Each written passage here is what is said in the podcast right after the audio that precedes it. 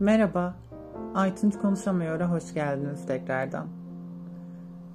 Bugün Kalbe'nin de dediği gibi bizim biraz umuttan bahsetmemiz lazım. Pandemide evlere kapandık. Hiçbir şeyden umudumuz kalmadı. Olan umutlarımız da kırıldı ve bu umutlarımızı tekrar nasıl onarabileceğimizi bilmiyoruz hiçbirimiz. Bunun için ben de yardımcı olmaya geldim ve kendi kırılan umutlarımdan bahsedeceğim. Bazılarını toplayabildim. Bazıları ise gerçekten çok kötü derecede hayatımın düzenini alt üst ettiler. Ee, ilk olarak böyle belirgin kırıklara gelmeden önce Niğde'nin bir köyünde büyüdüm. İlkokulu, ortaokulu orada okudum. Tabii ilk ve ortaokul benim için tam bir umut kırıklığı diyebilirim. Neden? Köy yerindesin. Diğerlerine göre farklısın. Konuşman farklı, hareketlerin farklı, düşüncelerin, hayal gücün bile farklı onlardan. Okula her gittiğimde o parmakla gösterilen öğrenci bendim. Ama hani parmakla gösterilenler en iyileri gösteririz ya par- parmakla her zaman. Ben o en iyi gösterilenin yanında Kız Aytunç olarak gösterilen bir parmaklı öğrenciydim. Bu Kız Aytunç ilkokuldan tut ortaokula belki de lise hayatıma kadar gerçekten tüm düzenimi alt üst etti. Hiçbir şey açıklayamıyorsun. Yani ister iyi ol, ister kötü ol. Sadece birine merhaba diyorsun ve o aa karı gibi konuşan erkek. O zaman homofobi yoktu. Yani ilkokulda, ortaokulda o masum beyinlerin aklına bu homofobi nereden gelebilirdi diye düşünüyordum her zaman. Gelemezdi bence de. Ama ne yazık ki hep kız Aytunç. Aa bu karı gibi konuşuyor. Aa baksana kanka yine kız Aytunç geldi. Aa erkeklerin soyunma odasında ne yapıyor bu? Sen kızlar tuvaletine girmeyecek miydin? Erkeklerin yanında ne işin var? Tabi öğrencilerin yanı sıra bir takım öğretmenlerden de bu durumu yaşıyordum. Yani öğrenciyim ve masum bir çocuğum. Bana yol göstermen gerekirken neden umutlarımı kırmak için mücadele ediyorsun? Beden eğitim dersinde futbolu sevmezdim. Halen sevmiyorum. Kızlarla voleybol oynardım. Ama beden eğitimi öğretmenim öyle miydi? Kıyamet kopardı. Ne olurdu voleybol oynasaydım biraz daha? Bir gün hatırlıyorum da böyle okulda bir şeylerin kursu olurdu. Ben de resim ve satranç kursuna falan gitmiştim. Bir gün de jimnastik kursuna gideceğim. Çok heves etmişim böyle 23 Nisanlarda aman taklalar atıyorlar, aman ne bileyim sporlar yapıyorlar. E heves ettim çocuğum sonuçta. Çok da merak ettim. Jimnastik değil de tenis kursuna gittim bu sefer. E, tenis de güzeldi en azından. Sporla uğraşacak olmam güzel hissettireceğini düşündüm. Belki de o kız Aytunç statüsünden düşeceğimi hissettim. Gittim. Yazıldım tabii tenis kursuna. Her şey ücretsiz tabii. Kurslar ücretsiz. Köy yeri. Bir zahmet ücretsiz olsun. Gittim. Ee, benden sınıfça büyük kızlar vardı, erkekler vardı. Orada da yine kız Aytunç muamelesi gördüm. Gerçekten çok üzücüydü çünkü ben düşünüyordum ki hani tenisi öğrenebilirdim. Tenis oynayabilirdim. Benim yaşıtımdaki çocuklarla arkadaş olabilirdim. Ve belki de hayatım daha güzel bir yer olurdu diye düşündüm. Ama öyle olmadı. O üst sınıftaki kızlardan birisi tenis topunu aldı ve gözüme çarptı. O andan itibaren de bir daha o tenis kursuna gitmedim. Yani cesaret de edemedim açıkçası. Böyle kötü bir anıydı bu. Daha sonra lise. Yani ilkokul ve ortaokul hayatım bu kadar kötü geçmişken o statüden çıkamamışken benim kendimi kabul ettirecek e, farklılıklarımla sevecek ve farklı insanlar olacak bir liseye gitmem gerekiyordu. Sesimin güzel olduğunu da inanıyordum. Belki çevremdekiler öyle demese de bence sesim güzeldi. Tabii köy yerinde hiç müzik eğitimi görmedim. Müzik kulağı nedir bilmiyordum. Piyano hayatımda hiç görmemişim. Böyle hani e, televizyon ekranlarında olur, kitaplarda olur. Televizyondan çalarlar piyanoları. Aa ne kadar güzel sesi, büyülenirsin.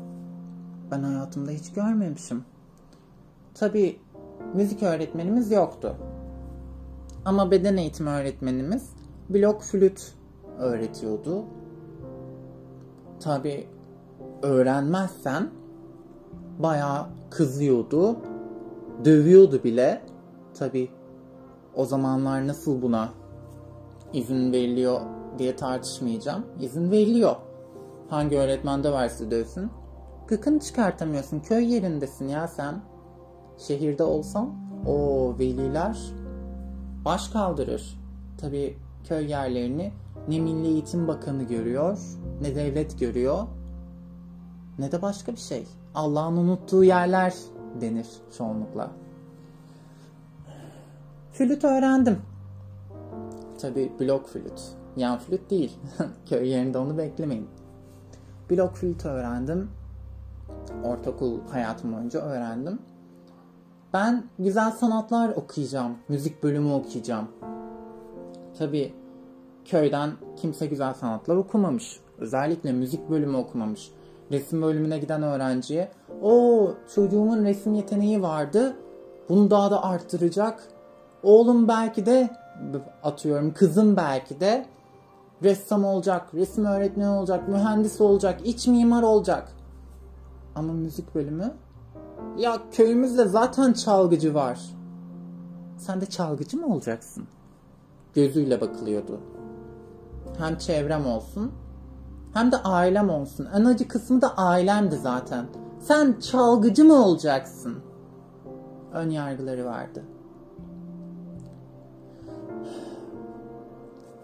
Yetenek sınavlarına yazılmaya gittim. Anneannemle. İlk giden de benmişim zaten. Yazıldım. Çok heyecanlıyım.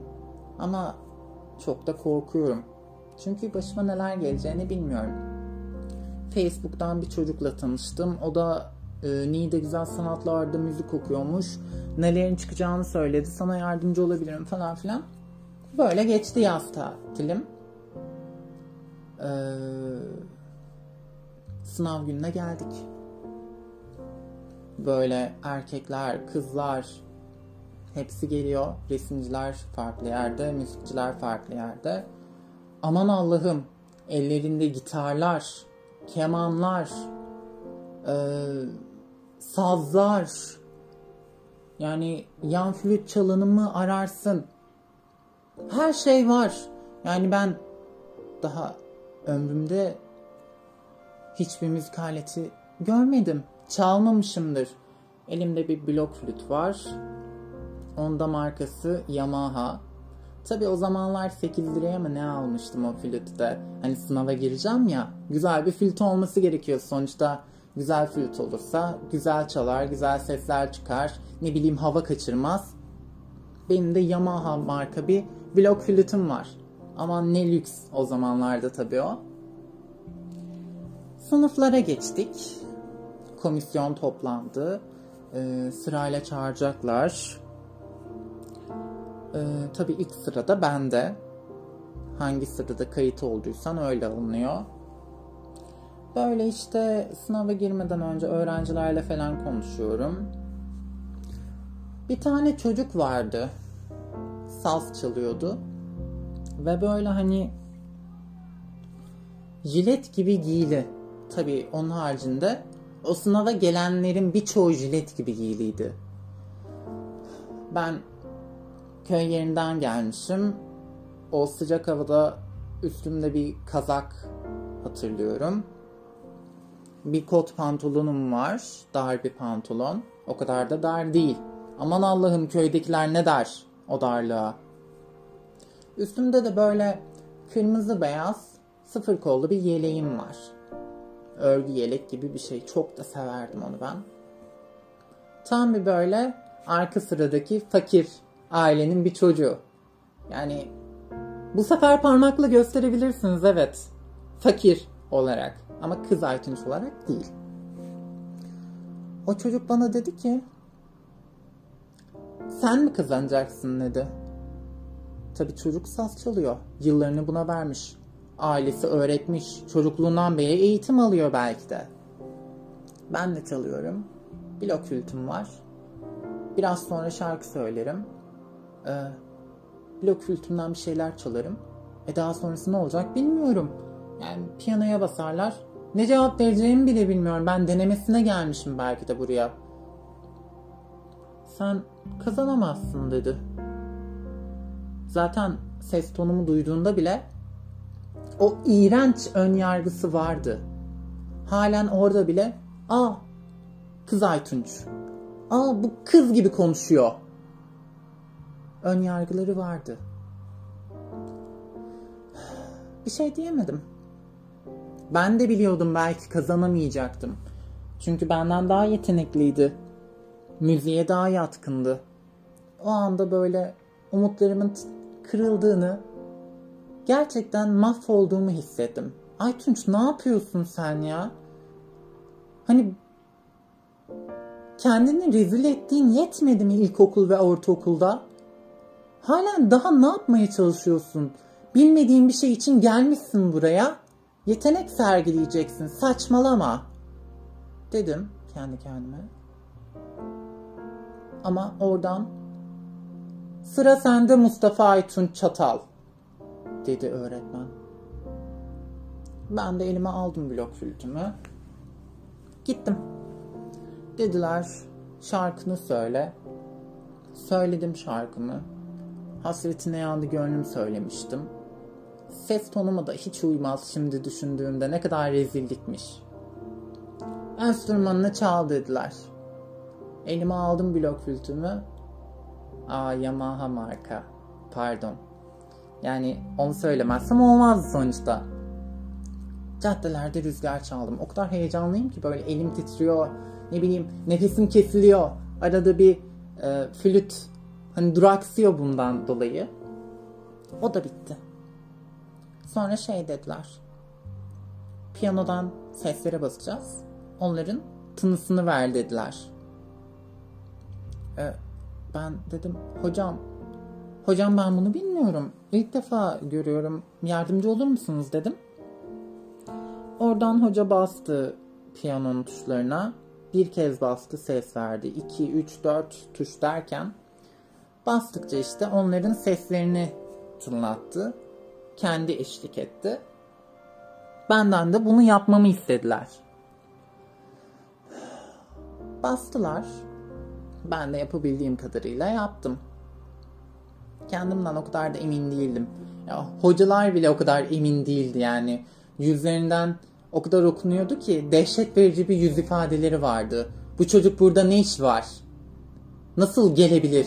Yani o listeyi yapan kişi hiç mi yetenek sormadı bu çocuklara? Gibi bir yüz ifadesi vardı. İşte sonra e, ne derler ona? Ritim tuttular. Alkışla eşlik etmemi istediler falan filan. Bitti. Sonra sınavım oldum. Çıktım gittim. Tabi umutlar yerli bir. O çocuğun söyledikleri aklımdan çıkmıyor. Ama ben salak gibi yaz boyunca okullar açılasıya kadar o güzel sanatların internet sitesini yeniliyorum. Aman internete yazıyorum kazananlar listesi. Her yeri araştırıyorum. Hani kazandığımı değil de kazanamadığımı görmek için galiba. Araştırdım, bulamadım. Sonra bir gün açıklandı kazananların listesi. Hevesle indirdim dosyayı. Baktım, adımı aradım. Kazananlar listesinde Mustafa Aytun Çatal yazıyor. Şaka değil mi? Yani e, bir yanlışlık olmuş olmalı. Şaka. 70 puanla kazanmışım bir de. Ya onların kulağı yoktu ya da ben gerçekten yetenekliydim. Çünkü hiçbir şey bilmiyordum. Gittim ve 70 puanla kazandım. Bana onları diyen çocuğa baktığımdaysa kazanamamıştı. Şaka gibi değil mi? Hani o kadar yeteneği var. Ailesinden bu geliyor. Enstrümanı çok iyi çalıyor belki de. Ama kazanamamıştı. Elinde blok flütü olan zavallı, fakir, kız gibi çocuğa yenilmiş oldu sonuçta. O kadar büyük konuşuyordu ki. Burada bir nebze de olsun umutlarımın yeşerdiğini hissettim. Tabii o çocuk 3 sınav oldu. 3 tane yetenek sınavı oldu. Üçüncüsünde kıl payı girmişti. Yani böyle e, 50 küsurat puanla girdi. Barajda 50 idi zaten. Tabi lise hayatımda da hep yani çoğunlukla olmasa da Kız Aytunç, Kız Aytunç gibi olaylar yaşadım. Ee, kişiliğimi arama içerisindeydim. Neleri sevdiğimi, nelerden hoşlandığımı hiçbir zaman bilmiyordum. Arayış içerisindeydim. Ama o kadar güzel insanlarla tanıştım ki Lisede çok güzel arkadaşlarım oldu. Sınıf arkadaşlarım çok güzeldi. Benle dalga geçen, beni hani küçümsemeye çalışan insanlara gerçekten e, önlerinde dik, dimdik durdular ve beni sürekli savundular. Onlar sayesinde belki de kendimi kabullendim. İnsanlara karşı daha da güçlü olmayı öğrendim. Ve her umutlarım kırıldığında umutlarımı bir nebze olsun toparlayabilmeyi, kendime özgüven duyabilmeyi öğrendim. Böyle güzel arkadaşlıklar edindim çevremde. Çevremde konuşamıyorum ama. Sonra lisede bitti. Yani zaten bitmesini istiyordum. Hani dersler çok yoruyordu bayağı yorucuydu. Cello öğretmenim olmadı. Piyano öğretmenim de ol, oldu ama sevemedim. Yani Aytunç bitirdi. Müzik bölümü okudu bitirdi ama müzikle alakalı hiçbir şey öğrenemedi. Sonrasında işte üniversite sınav, sınavına girdim. Tabii ben müzik bölümü okumak istemiyordum. Bunu hem öğretmenlerime hem öğrenci arkadaşlarıma herkese söylüyordum. Ben müzik okumayacağım. Ben aşçı olmak istiyorum veya televizyona çıkmak istiyorum. Ne bileyim televizyonla ilgili şeyler çekeyim falan diyordum. Tabi müzik bölümü okuyan öğrenciler de bir tane sınava girse yetiyordu. Ben ikisine de girecektim. O eğitimi almadım bile. AYT'nin eğitimini hiçbir zaman almadım. Tabi müzik öğretmenlerim köpürüyordu. O zaman niye geldim buraya? 4 yıl boyunca niye okudum? Orada bile şunu hissedebiliyordunuz. Yani senin düşünmene, ne yapmak istediğine sen karar vermiyorsun. Başka insanların karar vermesini hani karar vermesine göz yumuyorsun. Bu çok kötü bir şeydi. Ama ben ona rağmen girdim. AYT'ye girdim. Ne şanstır ki okuldan birinci olmuşum o sınavda da. Yazdım İstanbul, İstanbul'da okumak istiyordum. İstanbul üniversitelerini sıralıyorum puanıma göre falan filan. Tabii puanım da hep özel okullara tutuyor. Ya sen fakir bir ailenin çocuğusun. Sana ne özel okul? E, kır bacağını otur bir yıl daha evde. Ama yok oturamazdım. Ben öyle bir hayat istemiyordum. Hayat çok zor geliyordu bana o zamanlar. Tabii şimdi de daha zor.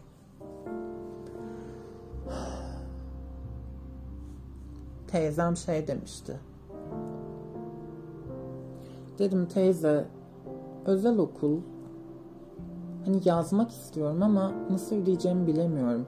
Hani aylık o yıllık 10 bin lira olur, 12 bin lira olur. Nasıl öderiz ben bilmiyorum. Annem de yok yanımda demiştim. Teyzem de Aytunç o hiç dert etme öderiz yaparız falan filan. Tabi üniversitemi tutturdum. Kayıt parasını bulamadım. Bankalara gidiyoruz. Bana kredi vermiyorlar. Neden kredi versinler ki daha doğrusu? Hiçbir şeyim yok. Teyzeme de kredi vermiyorlar. Sonra bir yerden bulduk o parayı. Okul kaydımı yaptım. Okuluma gidecektim. Daha sonraki zamanlar hani bir okul taksiti konusu geçtiğinde teyzem olsun, diğer aile üyelerim olsun. Biz ne zaman arkandayız ki? Kendini tuturdun, kendini ödeyeceksin. E biz varlıklı bir aile değiliz dediler. İşte o zaman tekrar bu umutlarım paramparça oldu. Ne yapacaktım ki ben? Ailem yok, işim yok, bir yeteneğim yok. Tek başıma kaldım. Bu benim için çok kötüydü. Ama bir şekilde o taksitimi ben ödedim. Bir şekilde paralar geldi, bir şeyler oldu. Hani şey denir ya, insan ölmedikçe umut bitmez denir ya. Gerçekten öyle. İnsan ölmedikçe hiçbir zaman umut bitmez. Gel zaman git zaman. Masal gibi oldu burası da. Ne alakaysa. Annemden ayrıldım. Babama geldim. O olayları çok fazla açıklamayacağım burada. Benim için çok zorlu bir süreçti. Geldim babama. Ama elimde hiçbir şeyim yok. Ne param var, ne bir yeteneğim var. Hani hiçbir şeyim yok ya. Ne tanıdık bir akraba, ne zengin bir aile. Yokluğun içine düştüm. Her şey o kadar kötüydü ki hani dedim kendime Aytunç hayatın en kötü noktasındasın şu anda. Bundan daha kötü ne yaşayabilirsin ki dedim. Sürekli ağlıyordum. Her gün ağlıyordum. Beni seven insanlara karşı, sevgilime karşı sürekli sitem ediyordum. Sürekli onları kendimden uzaklaştırmaya çalışıyordum. Belki de kendimi öldürmeyi bile düşünüyordum. Sonra bir şeyler oldu.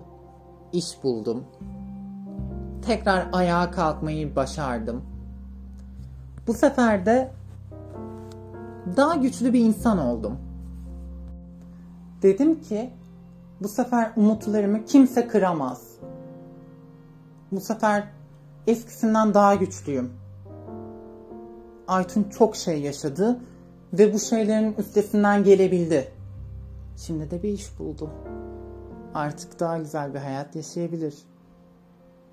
E, diğerlerinin yorumuna göre sevgilisi var. işi var. E daha ne isteyebilir ki? Biri vardı. Şey demişti bana. İsmi vermek istemiyorum. Sevgilin var. Daha ne istiyorsun? Elan işim yoktu. Mutlu değildim. Param yok. Ailem yok. Zenginlik yok. Sevgiliyi ne yapacağım ben? Aç kaldığımda onu mu yiyeceğim? Okul taksitim geldiğinde onu mu vereceğim? Yok. İnsanları ne yaparsan yap mutlu edemiyorsun. İş buldum ve umutlarımı tamir etme tamir etmek için çabaladım. Bundan sonrasında nasıl geleceğini bilmiyorum. Anlattım anlattım. Şu zamanki zamana geldim. Benim için hayatımın birçok yerinde birçok kez umutlarım kırıldı. Ve bunu nasıl tamir edeceğimi hiçbir zaman bilmiyordum. Şimdi bile ancak yeni yeni öğreniyorum. Size yani beni dinleyen insanlara yani çok fazla yani diyorum ama ilk podcast'imi 23 kişi dinlemiş. Çok teşekkür ediyorum. Şunu söylemek istiyorum.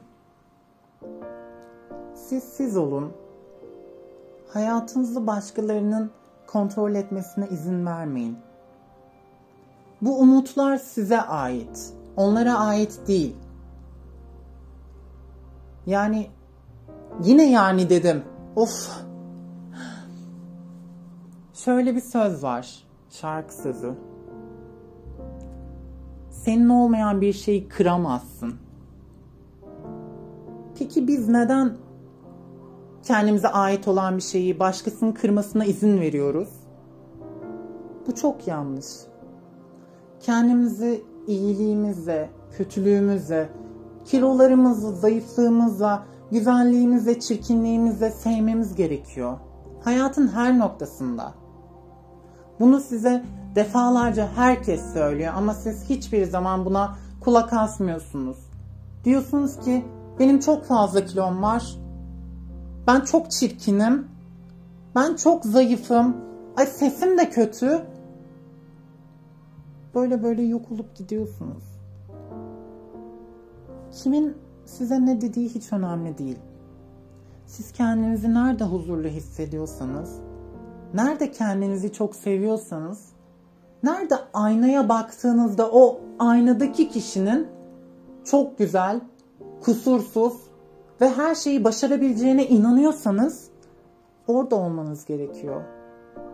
Bu yüzden bizim de biraz umuttan bahsetmemiz lazım. Bu konuşmalara burada son vermek istiyorum. Buraya kadar dinlediğiniz için gerçekten çok teşekkür ediyorum. Hayatın her yerinde umut var. Biz ölmedikçe umutlar da var olacak. Kimsenin hiçbir şekilde umutlarınızı kırmanızına izin vermeyin. Aytunç konuşamıyor gerçekten de. Sizleri çok seviyorum. Kendinize çok iyi bakın.